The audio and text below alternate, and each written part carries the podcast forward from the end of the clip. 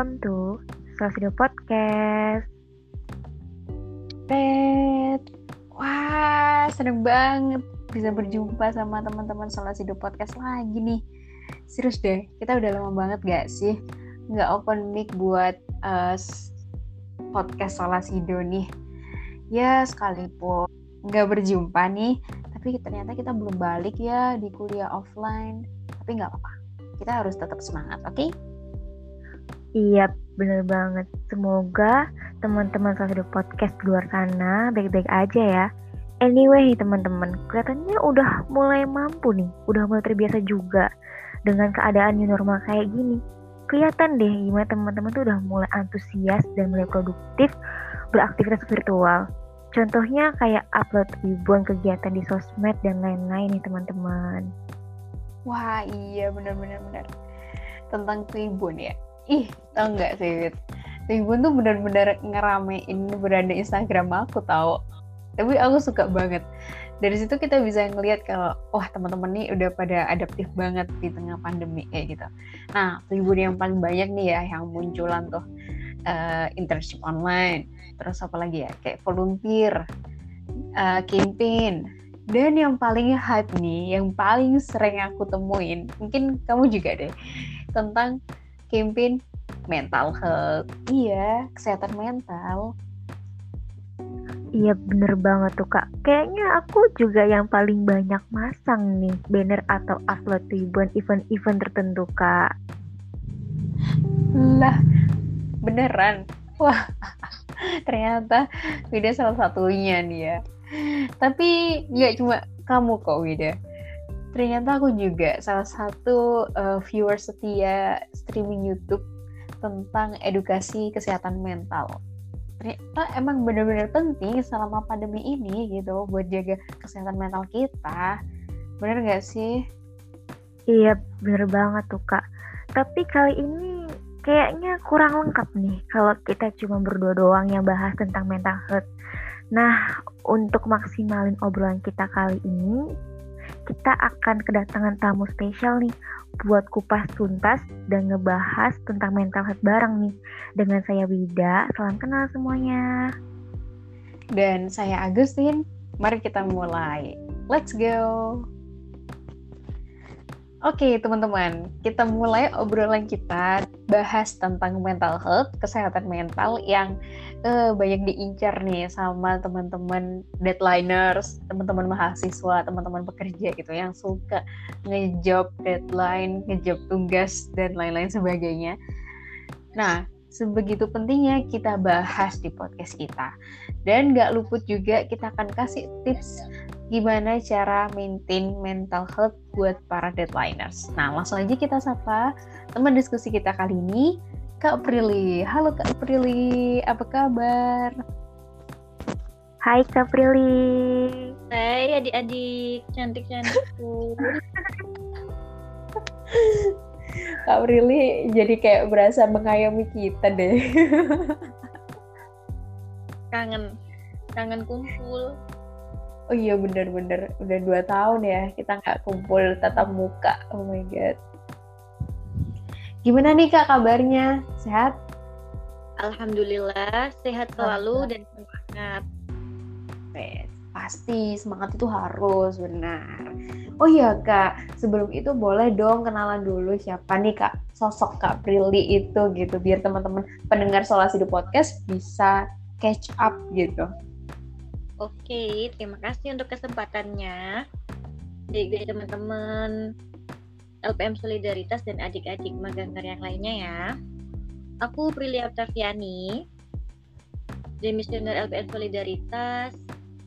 Awal masuk angkatan 2014, lulusnya 2018. Kebetulan kakak lulusan psikologi peminatan klinis di UIN Sunan Ampel Surabaya. Oke, Wah, tuh kan. Keren banget. Iya, benar.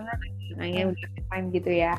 Nah, berhubung sudah lengkap nih, ada anak demisioner solidaritas sekaligus uh, profesionalnya di bidang psikologi. Kita juga mau bahas tentang mental health nih, Kak Prilly. Wow, menarik sekali tuh yang lagi dibutuhkan banget di era pandemi seperti ini. Iya, betul. Apalagi biar yang jadi salah satu korban cabang online. Wow. Iya, ya ampun. Ya, gimana nih? Bisa diceritakan mungkin pengalamannya dari teman-teman selama proses apa ya kuliah dari rumah melalui daring itu gimana perasaannya? Coba di sharekan doang ke kita semua. Awalnya kuliah daring itu kayak ya begini karena aku juga termasuk anak rumahan ya kak. Jadi kayak awalnya tuh kayak udah biasa gitu di rumah gitu kan. Tapi lama kelamaan terkejar deadline tugas juga terus ada ikut organisasi juga berasa kayak lama-lama di rumah tuh tertekan gitu loh kak. Kayak stres nggak cuma masalah kuliah doang mungkin ada permasalahan lain juga. Terus untuk aku bertemu langsung sama teman aku tuh juga udah sulit banget gitu. Gara-gara emang pandemi kayak gini keadaannya ya jadi kayak nggak bisa ketemu secara langsung nggak bisa curhat ngobrol gitu-gitu. Kayak udah tertekan terus stres bingung juga kan mau cerita kayak gimana sama temen-temen nah kalau kak Agus tuh nih gimana nih pas masa pandemi kayak gini kak aduh uh, kalau dijelasin jadi dua kali lipat penjelasannya Wida. Jadi sebenarnya sama aja gitu. Jadi uh, kalau bisa ditarik kesimpulannya kayak uh, banyak di apa banyak ini uh, distraksi atau boundaries apa sih boundaries batasan-batasan uh, gitu loh kak. Jadi yang biasa kita keluar-keluar tapi jadi kayak hmm. terhalang kayak gitu. Nah, itu yang berkait yang mempengaruhi mempengaruhi mental biasanya. Jadi seakan-akan kayak pandemi terus uh, eh, WFH apalagi deadline itu itu dijadiin salah satu kambing iya, hitam ya, gitu buat kesehatan mental kita. Jadi, Jadi seperti gitu, gitu ya. Mm -mm, Sebelum itu kita kenalan dulu deh sebenarnya mental health itu seperti apa sih kak gambarannya? menurut Kak Prilly itu? Oke, okay. mental health atau kesehatan mental itu adalah kondisi di mana seseorang itu bisa menyadari kemampuannya sendiri. Dia bisa mengatasi ketekanan hidup secara normal dan bisa hmm. bekerja secara produktif.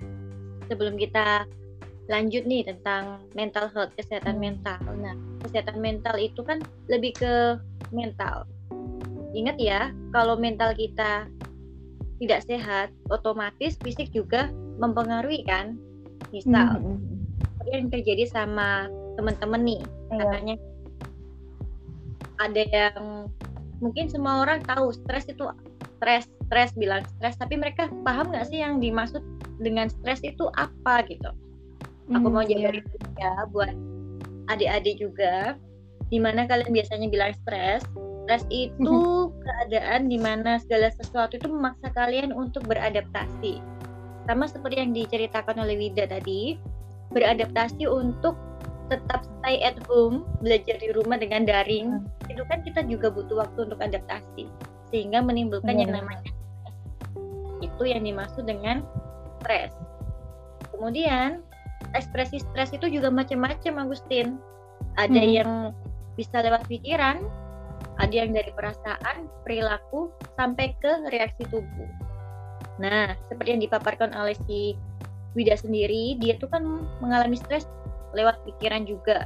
Dia merasa bingung, dia nggak fokus, ngelamun, terus auto flashback kayak gitu kan, jadi kangen teman-teman kayak gitu. Iya. Kemudian dari perasaannya nih, dia mungkin ngerasa anxiety atau cemas, khawatir, dia juga jadi ragu-ragu, tertekan, panik, gelisah, bunda, sumpek, bingung.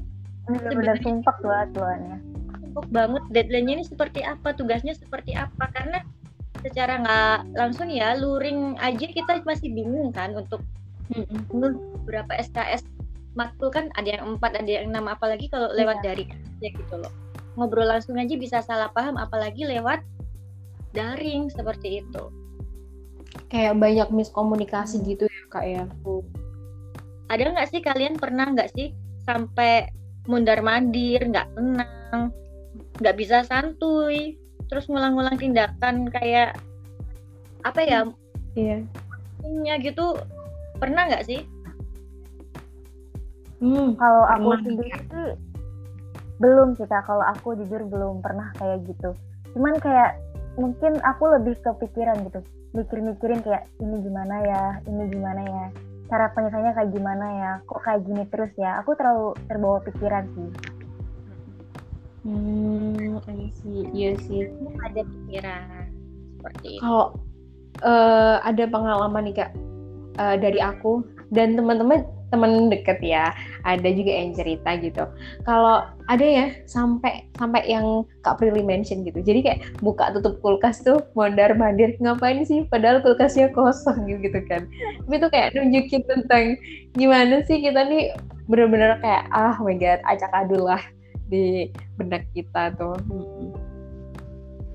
kalau itu masih yang dalam perilaku sih kalau membuka kulkas mondar mandir seperti itu. Tapi yang Gitu. ada yang lebih bahaya lagi yaitu di reaksi tubuh seperti psikosomatis ingat ya stres yang nggak tertangani itu akan bikin distres dan bikin nyeri kepala. Kemudian dia bisa jadi gadang nafasnya itu terengah-engah. Hmm. Sesak Sampai sakit gitu ya. Iya istilahnya itu psikosomatis itu yang bahaya Oke.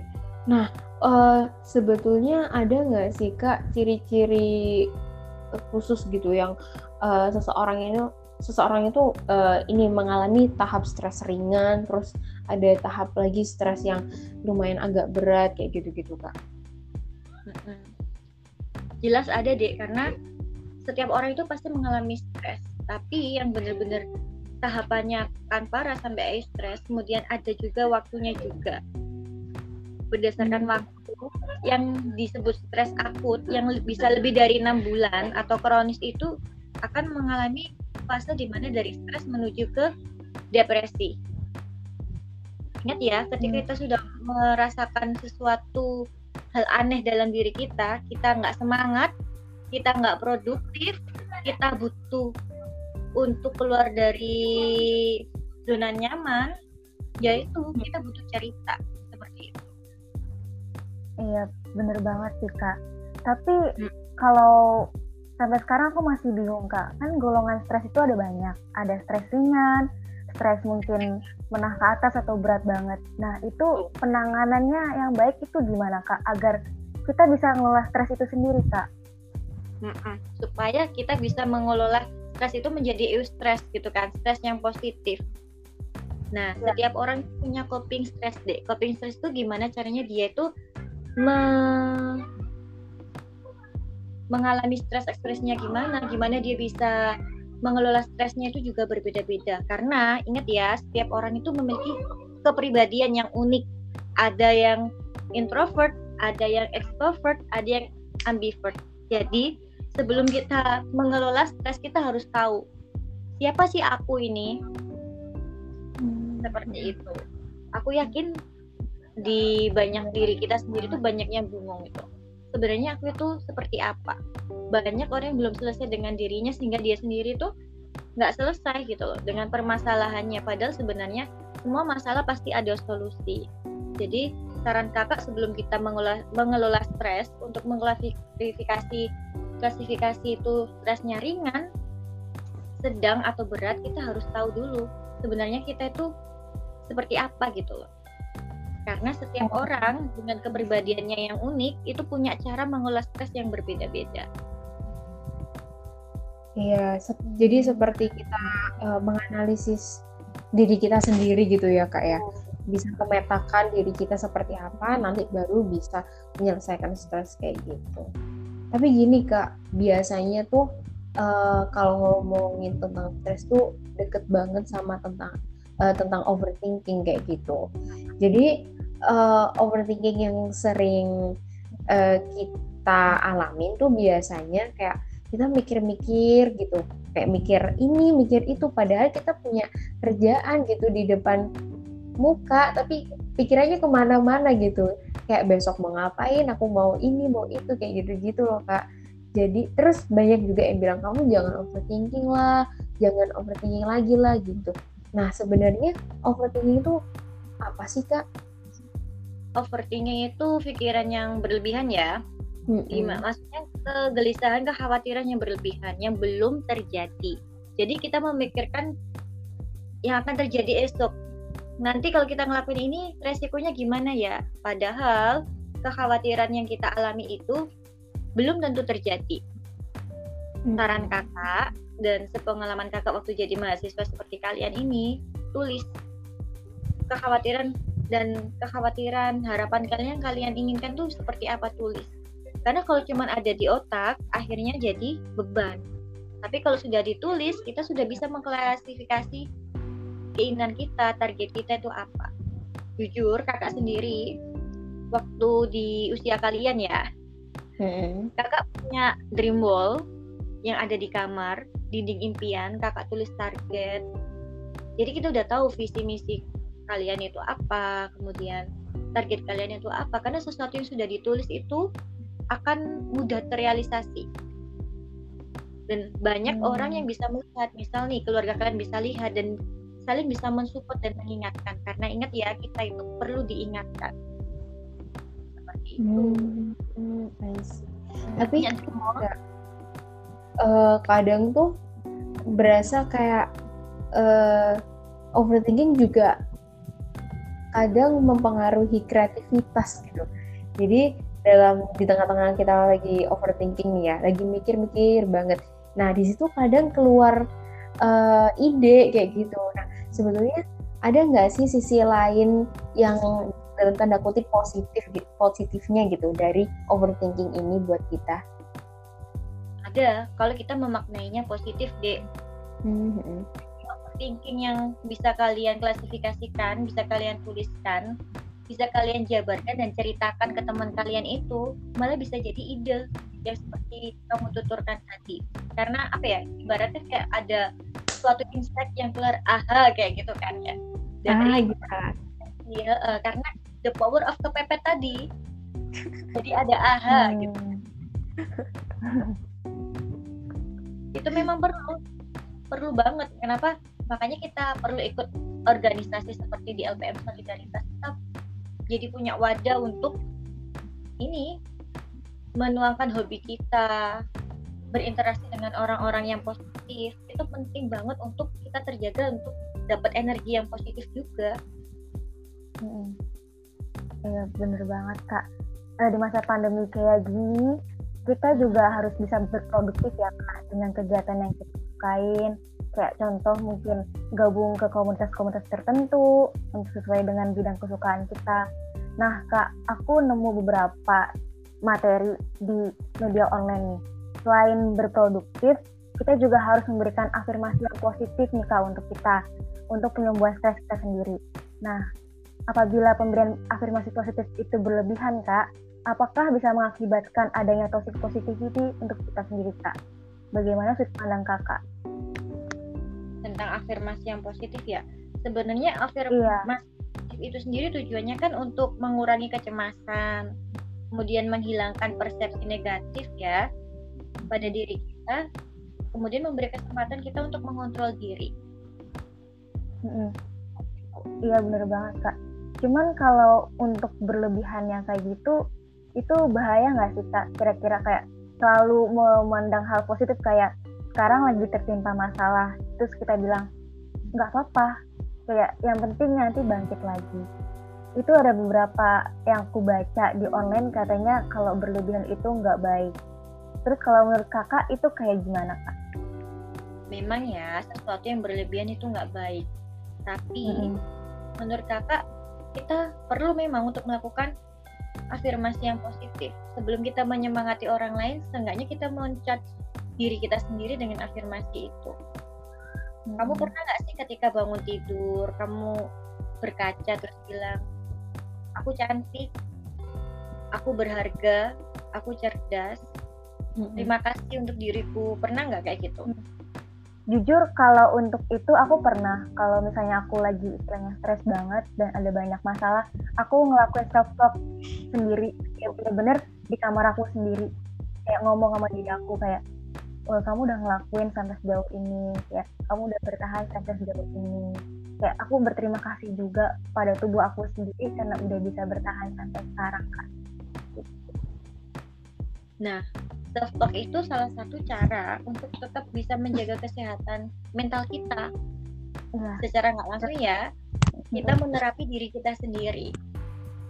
Untuk kembali netral dari yang mood swing kembali netral lagi moodnya supaya jadi lebih kembali baik lagi.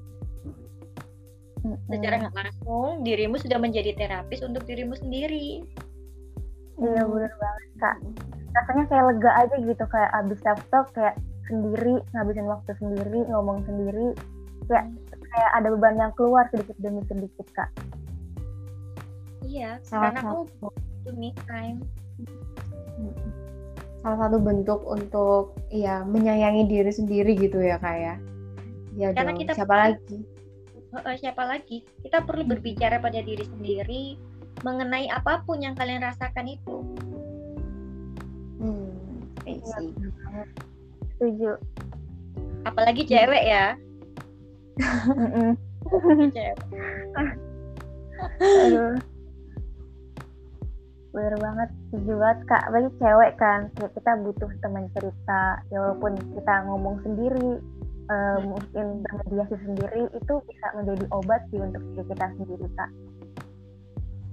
Dan solusi terbaik ya mengatasi stres di masa pandemi seperti ini yaitu self talk Hmm. Tanpa obat, ya kan tanpa biaya. Iya betul.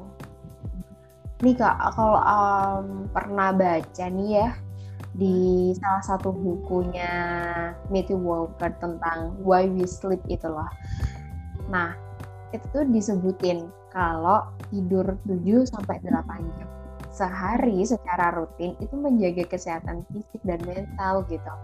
Nah, eh, sebenarnya saya setuju banget sih dengan itu. Tapi kadang nih ya, eh, karena kita para deadliners gitu kan itu, eh, kadang kayak sebuah dilematis dalam diri kita gitu kayak banyak kerjaan banyak deadline gitu kan untuk tidur sampai 7 sampai 8 jam per hari itu kayak wah lumayan ini juga ya challenge banget gitu loh Iya bener.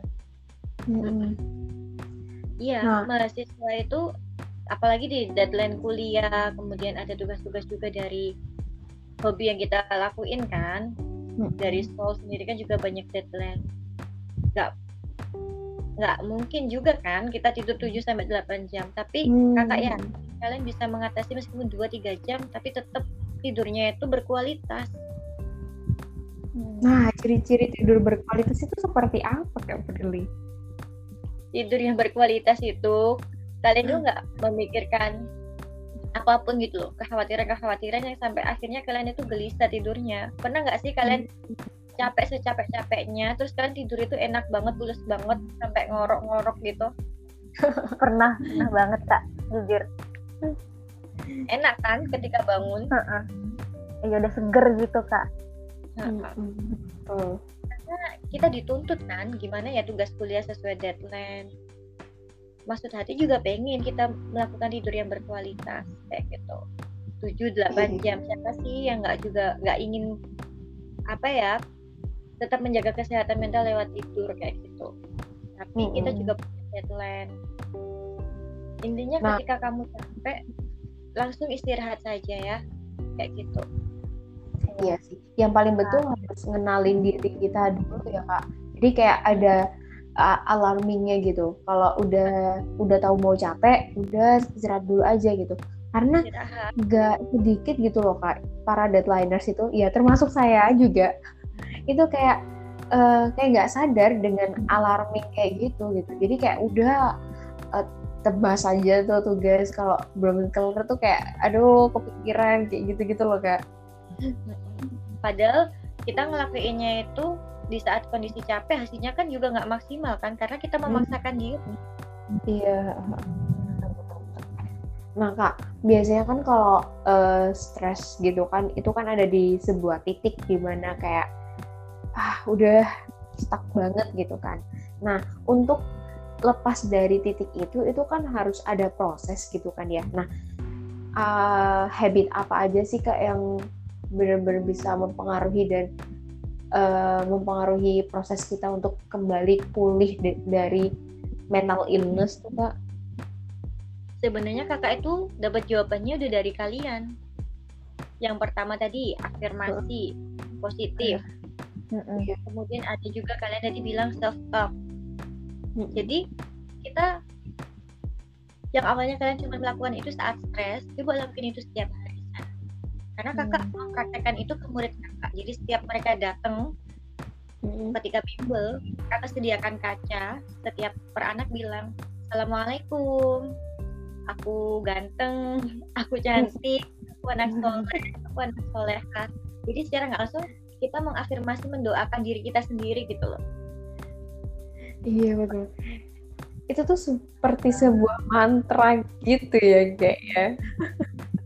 Betul, karena sebelum kita mencharge orang lain, gimana kita mau berbagi energi positif kalau baterai kita aja belum full. Hmm, nah betul betul, setuju Yang ada setuju malah- setuju. Ini bikin orang malah bik, apa ya ngelihat kita itu nggak ada senang-senangnya. Pernah nggak sih kalian teman-teman kalian sekeliling kalian sendiri aja deh. Ada orang yang wajahnya itu dipandang itu enak, ada Hmm. yang manyun, karena dia belum selesai mengelola konfliknya dirinya sendiri itu. Enak nggak ngelihat yang manyun, yang jutek, Jujur aja Ki, berasa dikacangin nanti kalau ngobrol. gimana dapat vitamin dari mata turun ke hati ya? iya betul Aduh. betul. ngerti, ngerti. Tapi emang bener kalau emang sebelum menjalin hubungan bersama orang lain itu emang harus selesai dengan dirinya sendiri. Kalau menurut kakak sih Setuju, dua setuju banget. kunci itu kalian utarakan sendiri tuh hanya saja habitnya itu tadi yang biasanya kalian lakukan saat stres coba lakukan itu secara rutin kemudian apa yang di overthinking kepala kalian itu coba kalian catat kalian tuliskan kalian sharingkan dengan, dengan teman kalian Mm-mm. itu akan segera ini Hmm. tertuntaskan juga. Malah bikin Hmm. semangat gitu teman-teman. Hmm, kamu pasti bisa ayo. Kalau bisa kan dia akan ngebantu kamu juga kayak gitu. Enak kan? Kalau berkelompok itu pekerjaan akan lebih ringan juga. Karena pasti kita bisa Hmm. overthinking? Kita memikirkannya sendiri nyelesainnya sendiri. Alhasil jadi capek sendiri. Mm-mm. yang membuat ya diri kita sendiri itu overthinking kita itu tadi Nah, iya betul betul betul. Setuju setuju banget kak. Emang sih setuju eh, banget. eh, sekalipun sekomplikated masalah mental health itu sebetulnya balik lagi ke diri kita masing-masing ya kak ya. Karena Tuh. ataupun mental illness atau uh, disorder apa pun itu kan nggak kelihatan gitu kan. Yang tahu adalah diri kita sendiri ya. dan orang di sekitarmu yang merasakan perbedaannya baik Iya. secara tindakan karena ekspresi kan kita bisa melihat dari ekspresinya Hmm. Yang biasanya Iya anak ini ceria bener tiba-tiba swing tiba-tiba kok mudah nangis caranya dekatin Heeh, ajak mau apa dekatin ada apa kayak gitu. kamu butuh apa sebenarnya mereka cukup didengarkan aja bikin mereka Udah. lega Udah seneng ya? Mm-mm. Udah kayak merasa terbantu gitu kan. Kenapa sampai bisa overthinking? Karena dia pikirkan sendiri, dia selesaikan sendiri. Tapi yang terjadi gelasnya penuh airnya, akhirnya sampai tumpah-tumpah. Makanya kita harus mengkosongkan air itu Apa? Nggak tertampung lagi. dengan berbagi ke teman-teman kayak gitu. Hmm. Itu sih pengalaman Hmm, kakak. Keren juga ya pengalaman kakak yang udah di sharing kali ini. Jadi nggak cuman kita doang nih yang ngerasa kayak ada yang beda dengan hidup kita kayak aduh aku kenapa ya? Tapi orang lain juga perlahan kayak mulai sadar bahwa ada seseorang yang merasa aneh gitu kayak ih kamu kenapa? Kok kamu tumben biasanya ceria jadi diem aja kayak gini jadi cemberut kayak gini? Jadi kayak gak cuma kita doang yang aware tapi orang uh, ngasih pemberitahuan ke kita kamu kenapa ya? Kamu ada apa ya? Nah keren banget nih pembicaraan kita kali ini. Bisa disimpulkan nih dari sharing kita hari ini uh, kondisi mental kita juga perlu banget nih untuk diperhatiin teman-teman. Nah karena itu juga sangat dipengaruhi dengan kesehatan kita juga. Selain itu kita juga harus menjaga pola hidup yang sehat dan teratur menjaga stabilan emosi luangkan waktu sendiri untuk memberikan memberikan self healing, self talk dan afirmasi yang positif nih untuk kita sendiri. Oke, iya betul banget.